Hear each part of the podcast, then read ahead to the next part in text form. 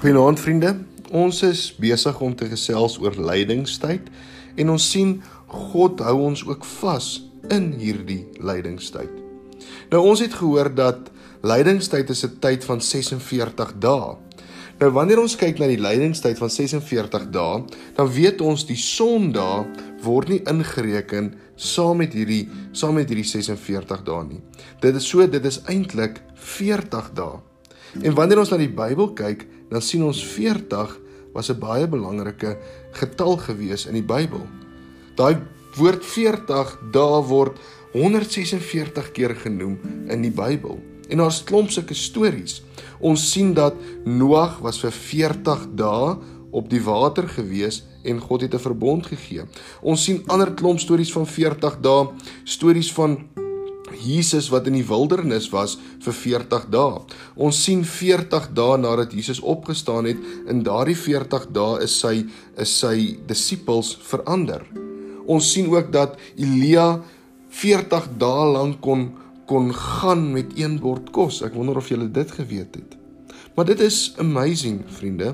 Dit is amazing om te weet dat dat hierdie hierdie verbond wat God met ons het, dat dit ons kom verander en dat hy ook dae gebruik of dat hy ook beelde gebruik soos 40 dae om ons te help en ons te herinner aan hierdie goeders.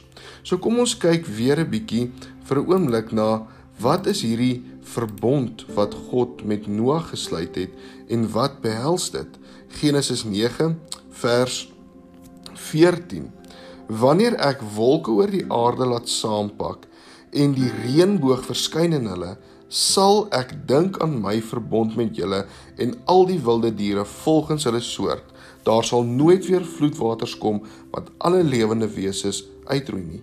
Die reënboog sal in die wolke wees en wanneer ek dit sien, sal ek dink aan die ewige ewige verbond tussen my en al die lewende wesens op aarde. Daar's so drie vrae waarby ons gaan stil staan vanaand. Die eerste vraag is: Watter van die voorbeelde van 40 dae stories ken jy goed?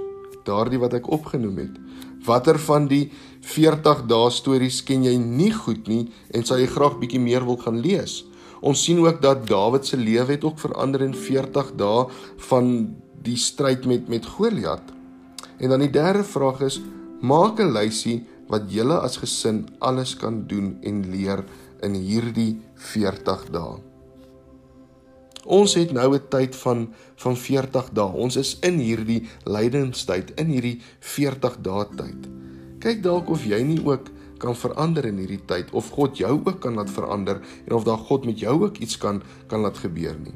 'n Paar idees wat jy kan as gesin kan doen hierdie tyd is: maak vir julle 'n lydenstydstasie in die huis.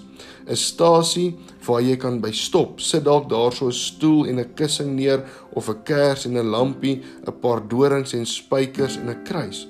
Sit 'n boek en 'n potlood daar neer sodat elkeen van julle gesin wanneer jy die kans kry, iets in daardie boek kan skryf en kan teken, iets wat jy beleef in hierdie tyd, 'n tyd waar jy nader aan die Here beweeg. Besluit op 'n tyd en 'n plek vir die volgende 7 weke waar julle as gesin bymekaar kan kom om iets oor Jesus se lewe te lees. Kyk dalk 'n video oor Jesus se lewe.